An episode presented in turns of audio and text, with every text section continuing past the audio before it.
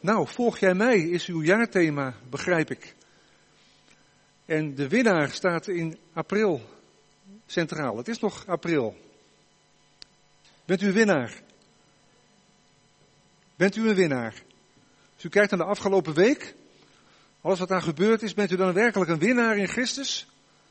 Of zitten er wel wat haken en ogen, soms wat dalen en dalletjes in ons leven met Hem? Iemand die een winnaar werd, was Petrus. Dat dacht hij van zichzelf, maar hij moest een hoop leren. En Christus zag in hem een winnaar op het moment dat hij het zelf nog niet wist. We lezen daarover in het Johannesevangelie. Daar wil ik graag met u een paar teksten uit lezen. En dan begin ik bij Johannes hoofdstuk 1. Degene die een Bijbel meegebracht heeft, die kan het meelezen. Johannes hoofdstuk 1. Vers 41 tot 43. En de tweede schriftlezing komt uit het laatste deel van het Johannesevangelie. Ik lees eerst Johannes 1, vers 41. Andreas, de broer van Simon Petrus, was een van de twee die het van Johannes had gehoord en hem gevolgd waren. Deze vond als eerste zijn eigen broer Simon en zei tegen hem, wij hebben de Messias gevonden, wat vertaald wordt als de Christus. En hij leidde hem tot Jezus. Jezus keek hem, Petrus, aan en zei, u bent Simon, de zoon van Jona, u zult Kefas genoemd worden, wat vertaald wordt met Petrus. Dit is een prachtig voorbeeld van bemoediging. Want als je iemand bemoedigt, dan zie je, dan spreek je hem eigenlijk aan op wie hij is. Op dat moment nog niet, maar wie hij zijn zal. Jezus zag in Petrus, in Simon een rots, een Petra. Maar, voordat Simon die rots zou gaan worden, en we zien Simon als rots in Handelingen 2, wanneer hij een toespraak houdt door de kracht van de Heilige Geest en duizenden mensen tot geloof komen. We zien in Simon Petrus een rots. Maar als Jezus hem aanspreekt als rots, dan liggen daar tussen dat moment van aanspreken en het werkelijk zijn nog wel een paar jaren met vallen en opstaan. Met wat struikelen, met ongeduld en tot groot dieptepunt als Jezus drie keer door Petrus wordt verloochend. En toch ziet Jezus in Petrus die rots. Dat fundament. Die winnaar. Het tweede deel wat we lezen sluit daarop aan. En het is het laatste hoofdstuk van het Johannes-evangelie, hoofdstuk 21. En dan lees ik niet helemaal natuurlijk dat hoofdstuk, maar een gedeelte daaruit, hoofdstuk 21, vanaf vers 15.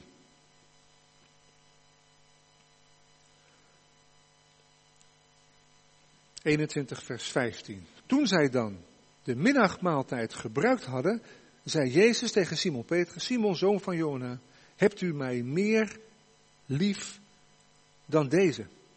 En hij zei tegen hem, ja heren, u weet dat ik van u hou.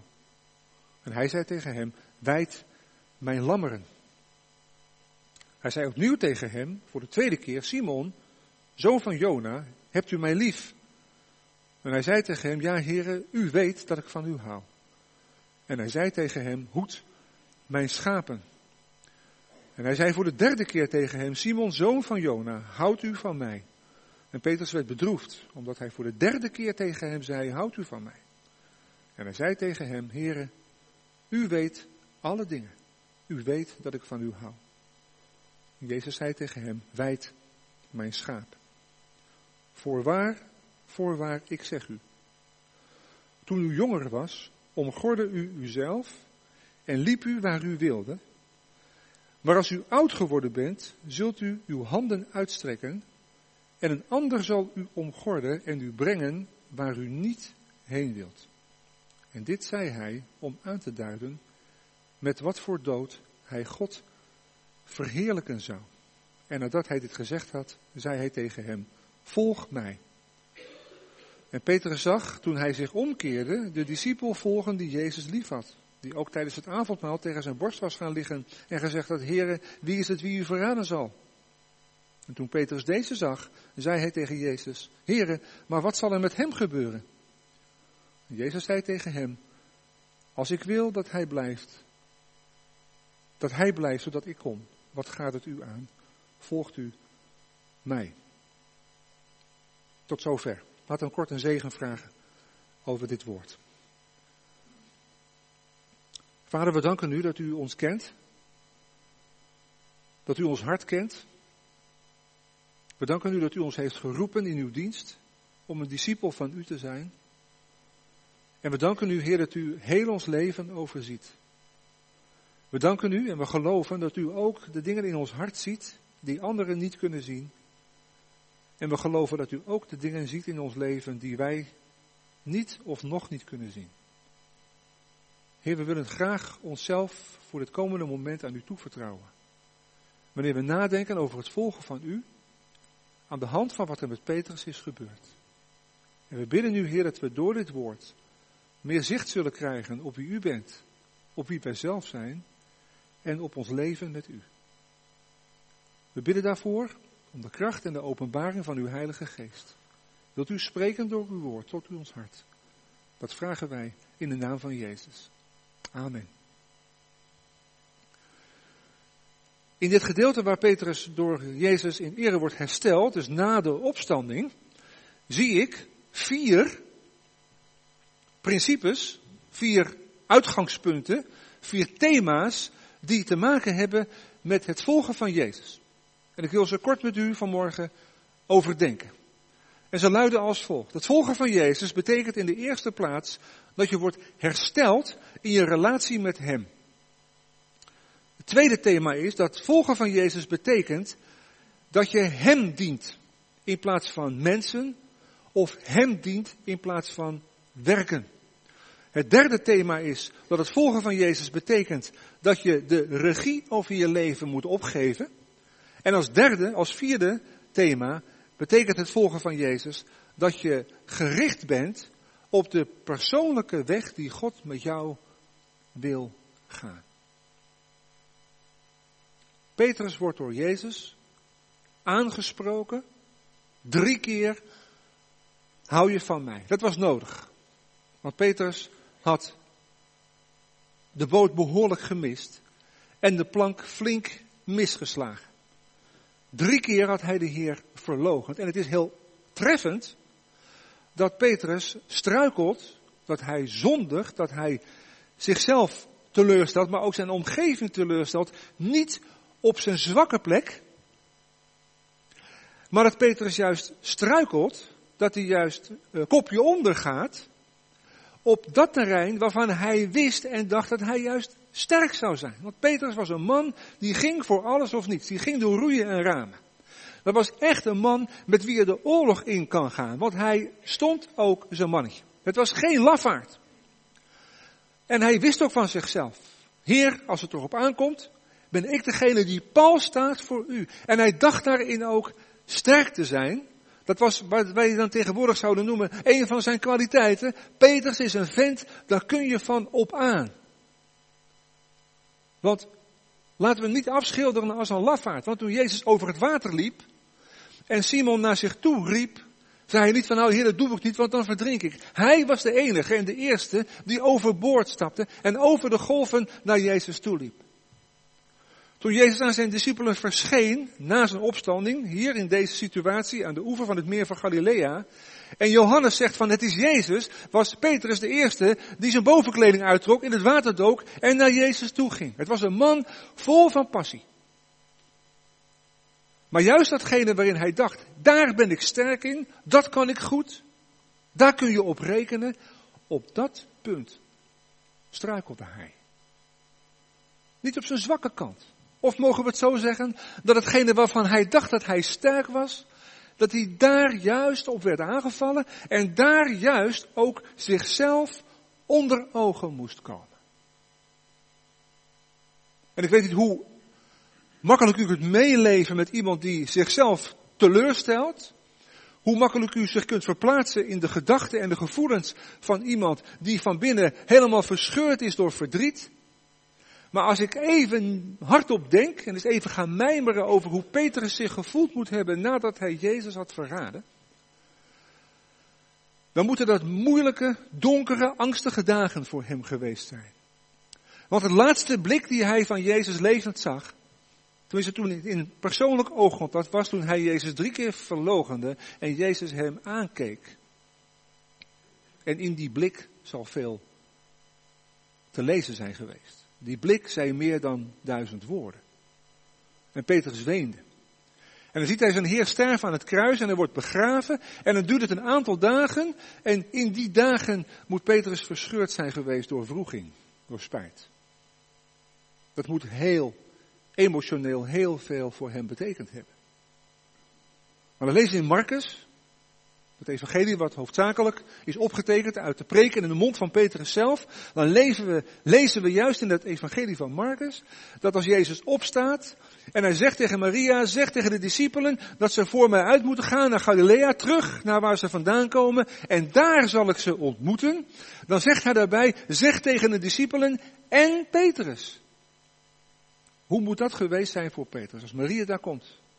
Terug bij die groep van discipelen. En die zegt, Jezus is verschenen. En hij zegt dat we om voor moeten gaan, dat we op reis moeten gaan, dat we naar Galilea moeten gaan, dat hij ons daar tegenkomt. En Petrus, hij noemde jouw naam apart erbij.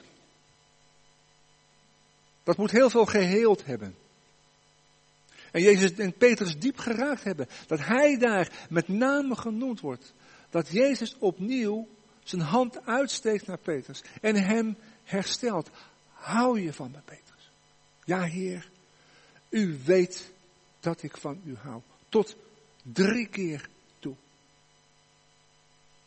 Wanneer wij struikelen, wanneer we niet de winnaars zijn die we graag willen zijn, wanneer we onszelf tegenkomen en op ons neus gaan, en juist teleurgesteld raken in datgene waarvan wij denken dat we het zo goed kunnen, of zo goed menen, of zo sterk zijn.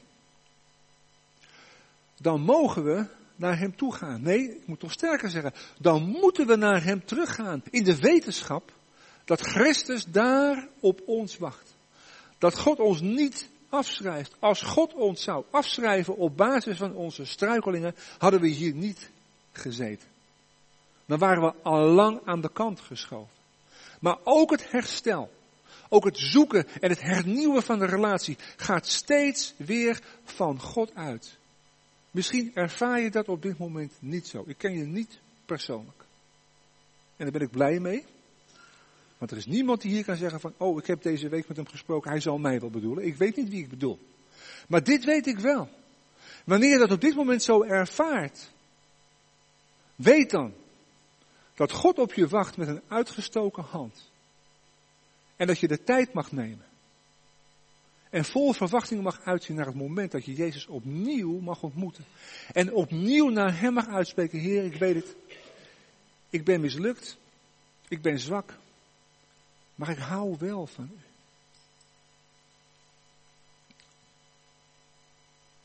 Ten tweede, nadat die relatie is hersteld, en je, Petrus als het ware weer in dienst wordt genomen, dan mag Petrus leren dat het dienen van Christus wat anders is dan het dienen van mensen of het dienen van geestelijk werk of van werk voor hem in het koninkrijk van God. Valt je niet op dat Petrus door de Heer Jezus wordt bevraagd en Petrus een taak krijgt om schapen te weiden, schapen te hoeden, lammeren te weiden, te zorgen voor de kudde van Christus. Een van die pilaren te worden, een van die steunpalen in de gemeente. Een van die apostelen waarop het fundament wordt gelegd van de gemeente. Dat Jezus niet aan Petrus vraagt, Petrus, hou je van schapen?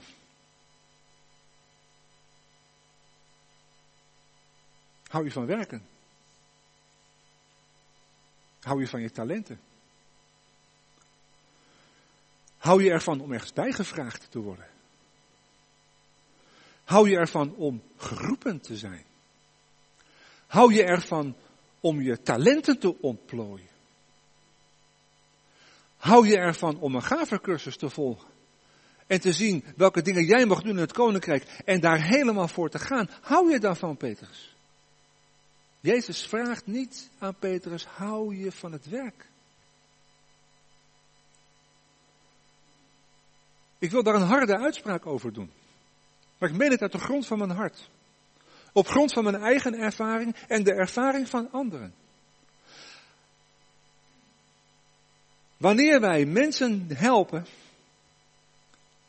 schapen weiden, wanneer wij werken in het koninkrijk van God, omdat we van het werk of van de mensen houden, gaan we vroeg of laat op het punt komen dat we die mensen en het werk gaan haten.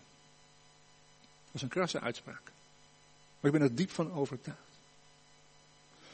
Het dienen van de gemeente. En het helpen van mensen.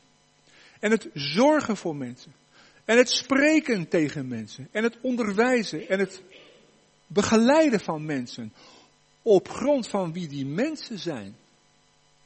Dat we daar onze voldoening, onze energie, onze beleidschap, onze ontplooiing uit willen halen. Zorgt ervoor dat we afgesneden raken van de bron waaruit we hebben te putten. Jezus zegt, Petrus, je kunt alleen maar voor schapen zorgen wanneer je van mij houdt. Je kunt alleen maar werken. Je kunt alleen maar dienen. Je kunt alleen maar strijden in mijn koninkrijk wanneer ik je bron ben.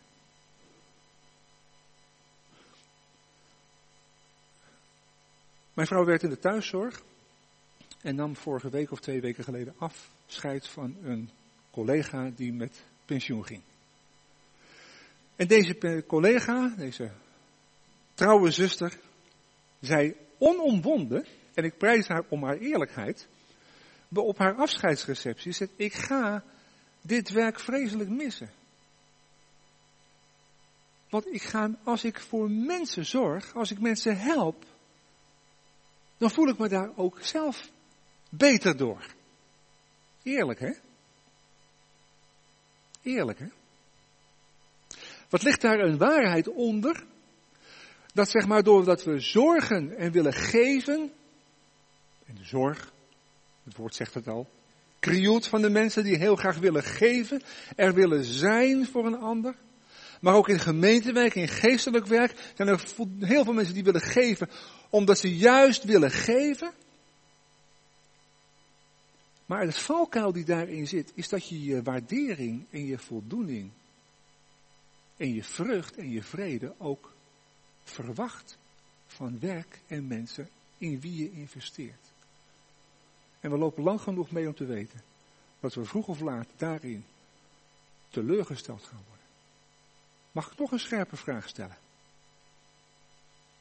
Of een harde uitspraak doen? Als ik graag schapen wijd, als ik graag voor Christus werk, als ik graag zorg, als ik graag geef, om me daar zelf beter van te voelen. Wie dien ik dan eigenlijk? Mezelf. Auw. Nou, dan komt u s ochtends hier om tien uur in de dienst.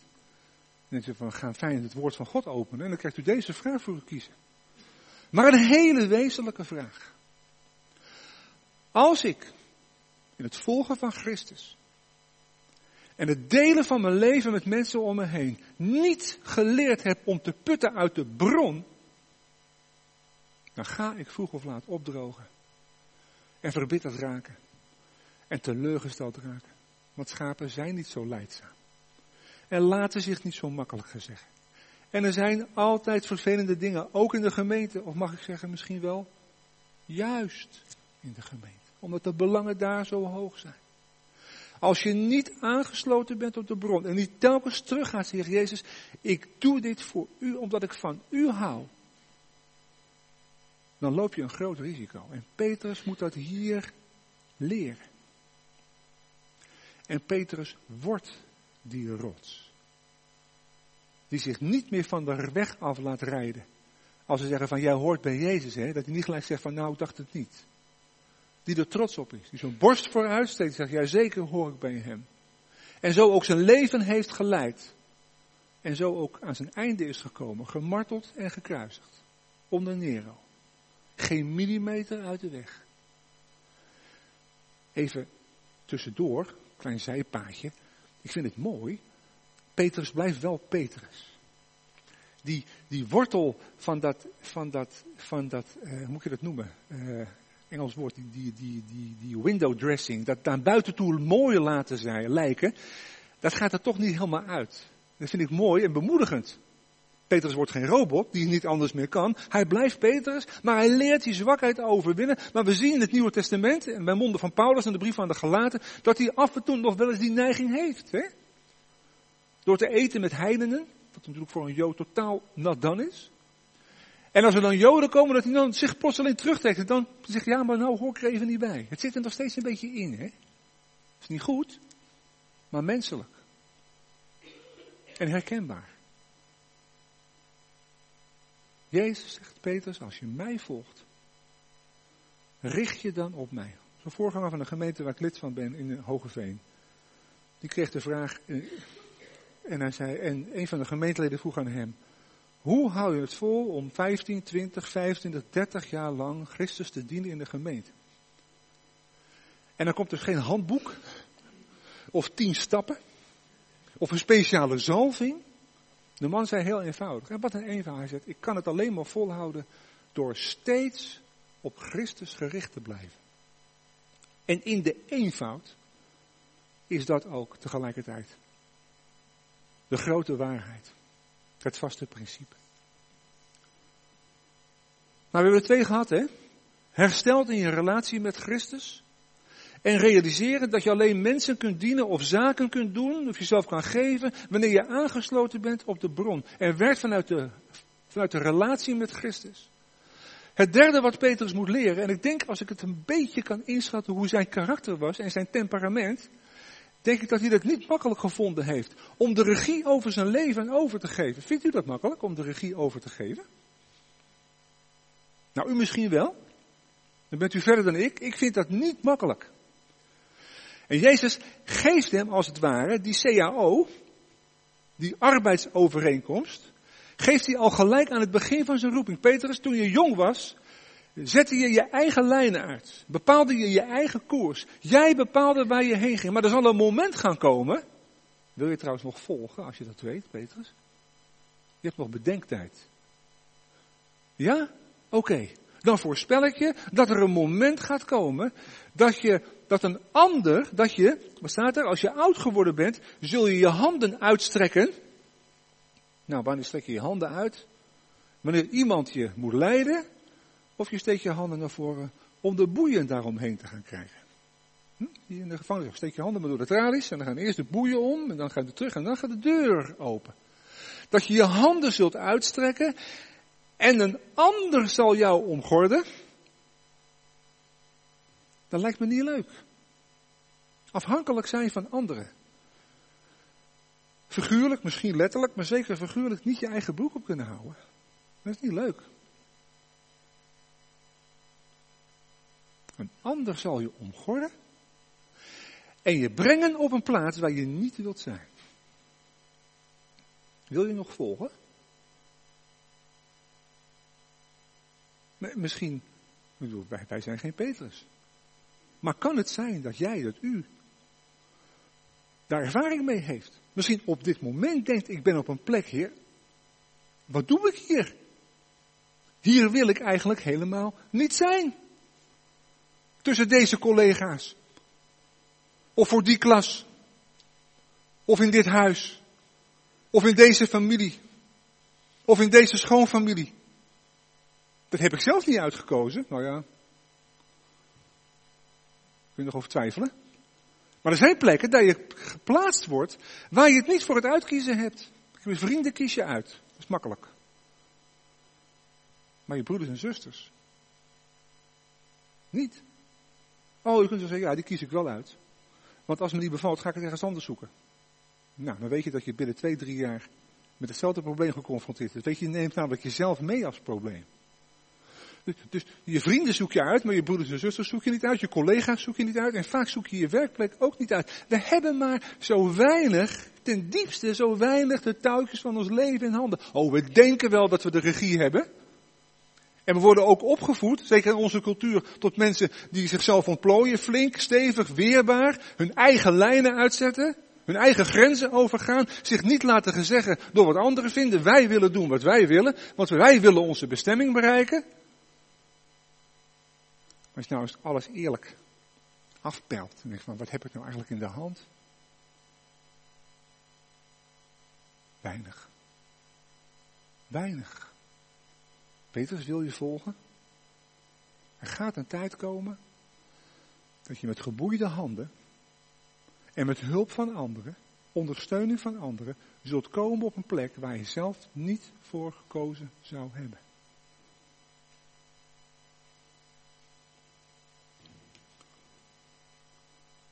Ik ben hier door Gods wil.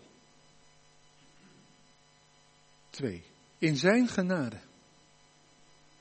Drie. Om door hem getraind te worden. Vier. Zolang als hij dit wenst.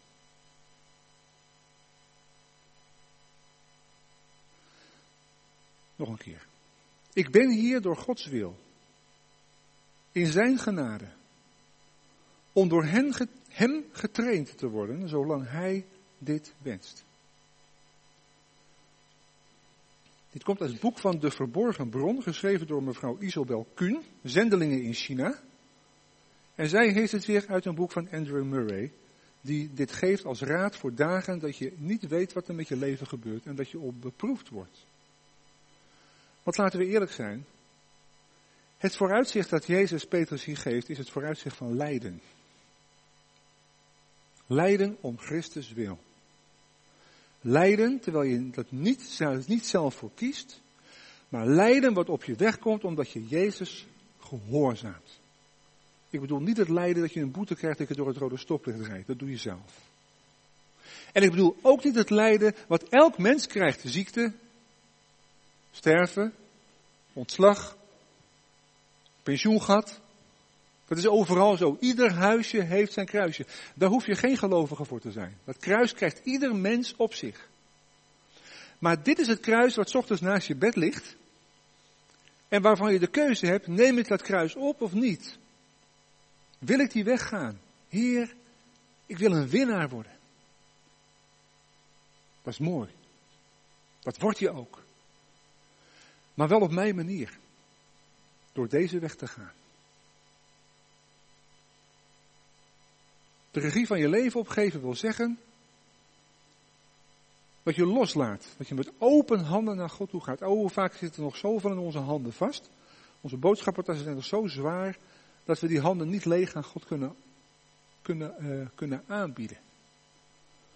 Maar het grootste bewijs dat God van ons houdt, is niet dat hij ons afschrijft en zegt, nou, en zegt van dan, dan zoek je het maar uit. Het grootste bewijs van Gods liefde is, is dat hij net zo lang doorgaat om de dingen in ons leven zo te regelen en zo te doen en ons zo te leiden, dat we met die lege handen naar hem toe komen.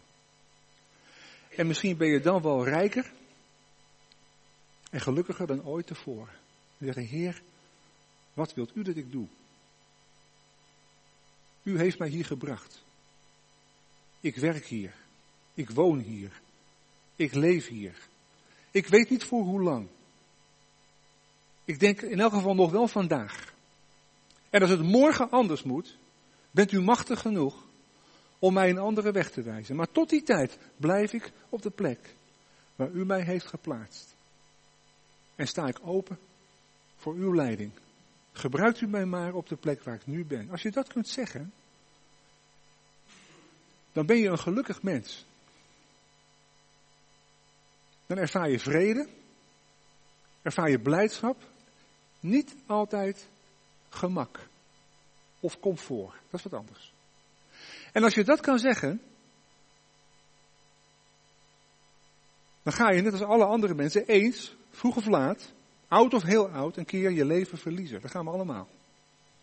Het is geen kwestie van of het gebeurt, is alleen maar een kwestie van wanneer. Een kwestie van tijd. En dan zeggen we allemaal tegen elkaar, we hebben ons leven verloren. Maar je hebt je leven niet verknoeid. En dat is heel wat anders. Ik verlies liever mijn leven dan dat ik mijn leven verknoei. Verliezen om Christus wil. En dit zei hij, legt Johannes naderhand uit met terugwerkende kracht, dit zei Jezus tegen Petrus om aan te duiden met wat voor dood hij God zou verheerlijken. Dat, dat vind ik, dit is hogere spiritualiteit. Dat Petrus met zijn lijden en met zijn sterven God zou gaan verheerlijken. Dat vind ik moeilijk. Ik snap het wel. Tenminste, ik denk dat ik er iets van begrijp. En ik span mij elke dag in, heb ik me voorgenomen. Tot de laatste dag dat ik me dat bewust kan zijn dat ik, dat ik hier leef. Dat ik me bewust zal zijn van het feit dat alles wat God doet in mijn leven zal zijn om Hem te verheerlijken. Ook als ik ziek word. Ook als ik sterf. Ook als ik lijd. En ik zeg het eigenlijk verkeerd. Juist als ik ziek word. Juist als ik sterf. Want het leven is mijn Christus, zegt Paulus. En het sterven is winst. Winst. Winst door lijden. Winst door sterven, ja. Christus wordt verheerlijkt. En dan eindigt je leven wel. Je verliest je gezondheid. Maar je verknoeit het niet. Hoeveel eer krijgt God niet op mens, bij, van mensen die op hun sterfbed liggen? Mensen die ongeneeslijk ziek zijn. En die hem prijzen en danken en daarmee eigenlijk aangeven, Heer,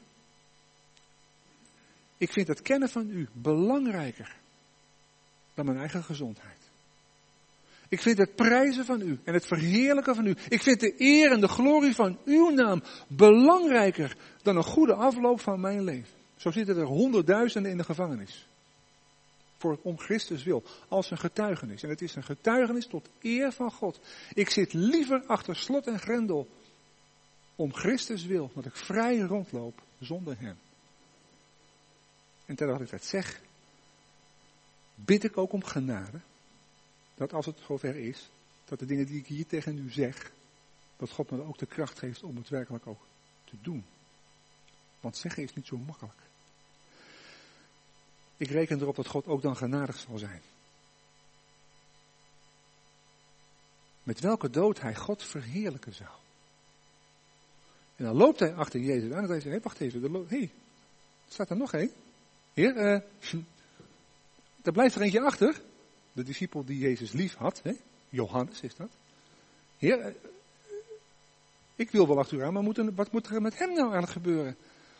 En dan krijgt Petrus een scherp antwoord. En een zeer leerzaam antwoord. Hij zegt, wat maakt dat jou uit? Wat er met hem gebeurt, gaat jou helemaal niets aan. Jij moet mij volgen.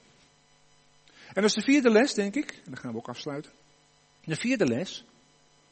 Dat het volgen van Christus betekent dat we gericht zijn op de persoonlijke weg die God met mij, met jou, met u gaat. Dat wil niet zeggen dat je een individualist of een solist wordt of een egoïst. Nee, dat is de negatieve kant. Maar er kunnen momenten zijn, en die zijn er, of die gaan komen, of die heeft u misschien al meegemaakt, dat je een keuze moest maken, los van wat mensen om je heen deden, of zeiden, of adviseerden, of meemaakten. Je moet trouwens wel voorzichtig zijn, want ik wil hier niet een oproep doen tot eigen wijsheid. Dat is heel wat anders. Maar er kunnen beslissende momenten zijn dat Christus als het ware zijn hand op je gezicht legt weer zijn en zijn hoofd, jouw hoofd naar hem toe draait. Zegt van kijk nou naar mij, het gaat nu even tussen jou en mij. Wat er nu om je heen gebeurt met anderen, doet er op dit moment even niet toe. Volg mij. Uit eigen wijsheid zijn heel veel dingen verkeerd gegaan in het leven. Maar door vastberadenheid en gehoorzaamheid, los van omstandigheden, zijn er ook hele mooie dingen gebeurd in het leven. Als Jezus zo had, niet had geleefd in de verhouding met zijn vader, dan was het heel anders afgelopen. Als de apostelen niet zo hadden geleefd in hun relatie met Christus door de Heilige Geest, was de kerk nooit ontstaan. Er waren er geen dingen gebeurd die van beslissende invloed waren in de geschiedenis van de kerk en van de wereld. God heeft een plan met u en met jou. En je doet er wijs aan om dat plan te onderzoeken en daar open voor te staan en dagelijks te vragen, Heer, wat is vandaag het plan wat u heeft met mijn leven? Dat hoef ik niet te weten voor volgende week. En zeker niet voor volgend jaar. Ik mag er wel over nadenken. We mogen zorg dragen voor de toekomst. Maar dat is wat anders dan dat je daarop gericht bent. Ik hou rekening met wat er kan gebeuren. Maar mijn dagelijkse vraag is, Heer, waar wilt u mij vandaag gebruiken? Want ik hoef alleen maar te denken aan vandaag. Alles wat daar verder bovenuit gaat, is heilloos. Want door genade bent u behouden. Door het geloof. En dat niet uit uzelf, het is een gave van God. Niet uit werken, opdat niemand roemen. Want zijn maaksel zijn wij. In Christus Jezus geschapen om wat te doen? De goede werken die God tevoren bereid heeft, opdat wij daarin zouden wandelen. Mensen, voor vandaag, maar ook voor morgen. En alle dagen die nog komen gaan, liggen de werken klaar. En zo mag je de dag beginnen als je uit je bed stapt. Als je je tanden poetst of onder de douche stapt. Of in je auto stapt of op de fiets. Of naar je werk toe loopt. Heer, de goede daden, de goede werken, uw werk, het ligt al klaar. Laat u maar zien wat ik vandaag kan doen als ik u volg. Zullen we daar een zegen over vragen?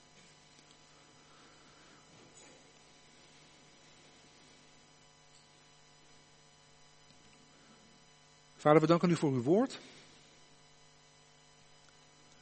We danken u voor de mensen en de levensgeschiedenissen van de mensen die u in dit woord heeft laten optekenen. We danken u voor de fouten die de mensen hebben gemaakt. U had ze er ook uit kunnen laten. Maar u heeft ze in het woord laten opnemen. Omdat u wilt laten zien wat u kunt doen in mensen en door mensen die zwak zijn. Dank u wel dat u geen volmaakte discipelen zoekt. Dank u wel dat u geen geloofshelden zoekt, maar dat u discipelen maakt. En dat u geloofshelden maakt. En als u van Petrus een held kan maken, een pilaar, dan kunt u dat ook van ons. We realiseren ons dat wij geen Petrus zijn. En we realiseren ons dat hij dingen meegemaakt heeft die wij nooit zullen meemaken. Maar we geloven wel dat de dingen die hij heeft moeten leren in zijn hart, de uitgangspunten en principes ook voor ons gelden. En daarom willen we u vragen of u ons daarbij wil bepalen, elke dag opnieuw. Houdt u ons vast. Helpt u ons om in alle dingen op u gericht te blijven. En als we daarin fouten maken en onderuit gaan en zelfs zondigen, help ons dan Heer om ons niet te verstoppen voor u, maar juist weer naar u terug te gaan, omdat we mogen weten dat u daar bent met een uitgestoken hand. Dank u wel dat u ons leven, het resultaat van ons leven op het oog heeft. Dat u de werken al klaar heeft waarin we mogen wandelen. Hier in de gemeente, open thuis, maar ook op ons werk, in ons gezin, in ons huwelijk, in de opvoeding, in de relaties die we hebben met mensen om ons heen, in de familie, onze buren. Mensen die u kennen, maar ook juist die mensen die u niet kennen. Heer, dat u ons in al die dingen, ons daar een plaats gegeven heeft. Opent u onze ogen voor de mogelijkheden die we hebben. En help ons om dagelijks ons leven in uw hand te leggen. En vol verwachting en zelfs ook met spanning te mogen uitzien naar wat u voor ons bedoelt. Helpt u ons daarbij. Zegent u ons daarbij. Zegent u ook deze gemeente. we bidden nu voor de momenten dat de gemeente ook met elkaar in gesprek is over het volgen van u. Straks bij de koffie misschien, op de huiskringen, in de persoonlijke relaties, in de zorg, in het onderwijs. Heer, mag deze gemeente stimulerend werken en uitnodigend en uitdagend werken. En ook prikkelend zijn. En ons wakker houden en scherp houden in het volgen van u. Dat vragen we u om Jezus wil. Amen.